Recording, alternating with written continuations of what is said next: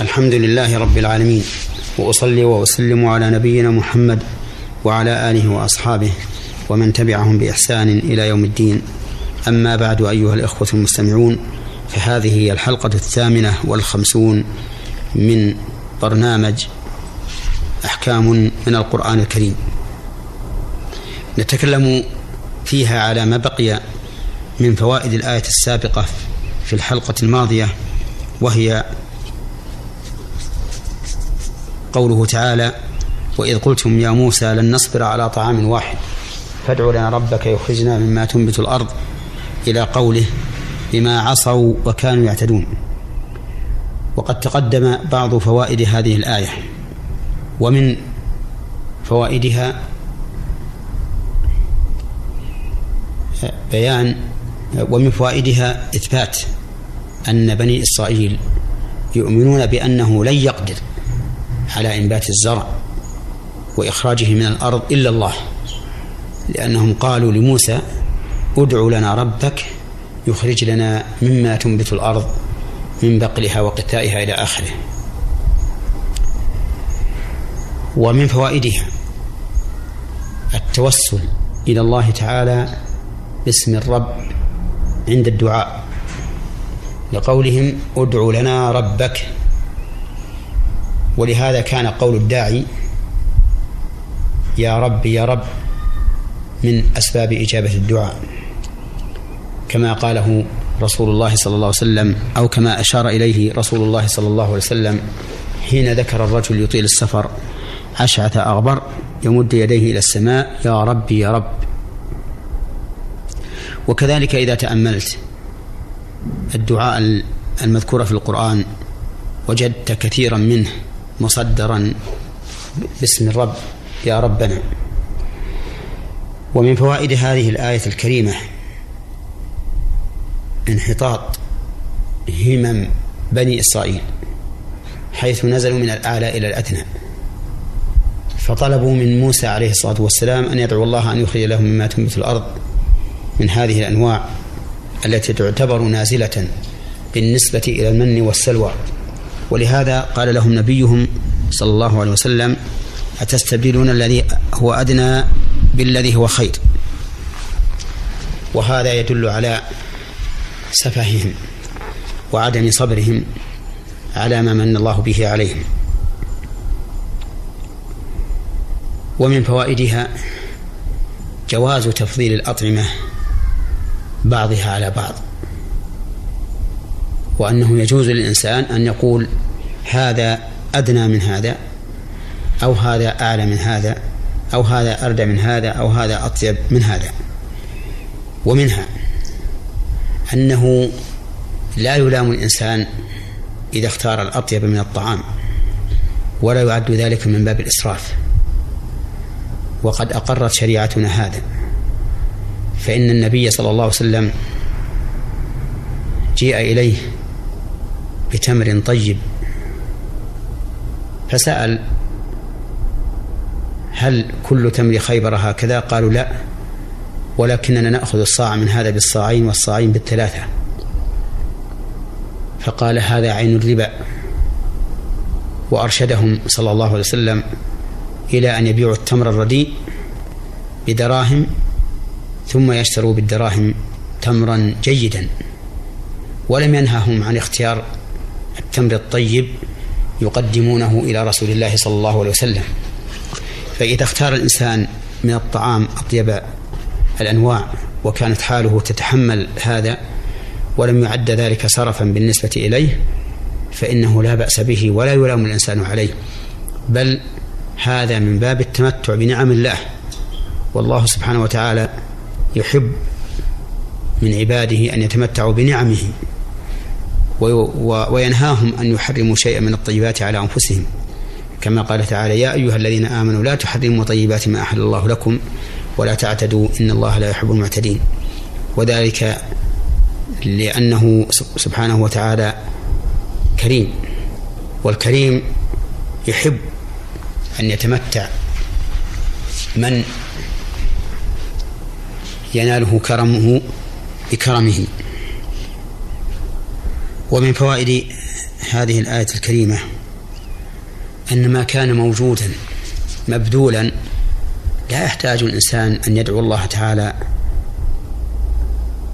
بحصوله لأن الدعاء في مثل هذا سفه فإنه موجود بين يديك ولكن ادعو الله تعالى ببقائه واستمراره وألا يرفعه عنك لأن هذه الدعوة في محلها. أما أن تقول اللهم ارزقني كذا وكذا وهو بين يديك فهذا لا وجه له. ولهذا قال موسى عليه الصلاة والسلام اهبطوا مصرا فإن لكم ما سألتم. ومن فوائد هذه الآية الكريمة أن الله ضرب على بني إسرائيل الذلة والمسكنة. فهم دائما في ذل ودائما في مسكنة حتى وإن اغتنوا فإن قلوبهم فقيرة. ولهذا تجد اليهود أشد الناس طلبا للمال وفناء في تحصيله يحرصون على تحصيل المال بأي سبب؟ ولو بالطريق المحرم. قال الله تعالى فبظلم من الذين هادوا حرمنا عليهم طيبات أحلت لهم وبصدهم عن سبيل الله كثيرا وأخذهم الربا وقد نهوا عنه وأكلهم أموال الناس بالباطل. فهم أخاذون للربا أكالون للسحت ظالمون للعباد. فهذا تأب اليهود بالنسبة لأخذ المال. هم في مسكنة دائمة وفي فقر دائم لكنه فقر قلبي. وإن كان عندهم من من الأموال عدد كثير.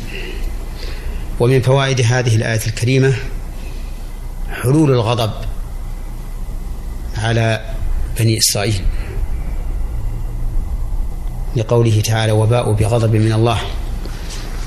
وهذا كقوله تعالى قل هل أنبئكم بشر من ذلك مثوبة عند الله؟ من لعنه الله وغضب عليه وجعل منهم القردة والخنازير وعبد الطاغوت أولئك شر مكانا وأضل عن سواء السبيل. ومن فوائد الآية الكريمة أن الله تعالى لا يظلم أحدا إلا لكن الذي يظلم هو الإنسان نفسه. ولهذا لما ذكر الله عقوبتهم بضرب الذلة والمسكنة وحلول الغضب عليهم بين أن هذا بسبب كفرهم. فقال ذلك بأنهم كانوا يكفرون بآيات الله.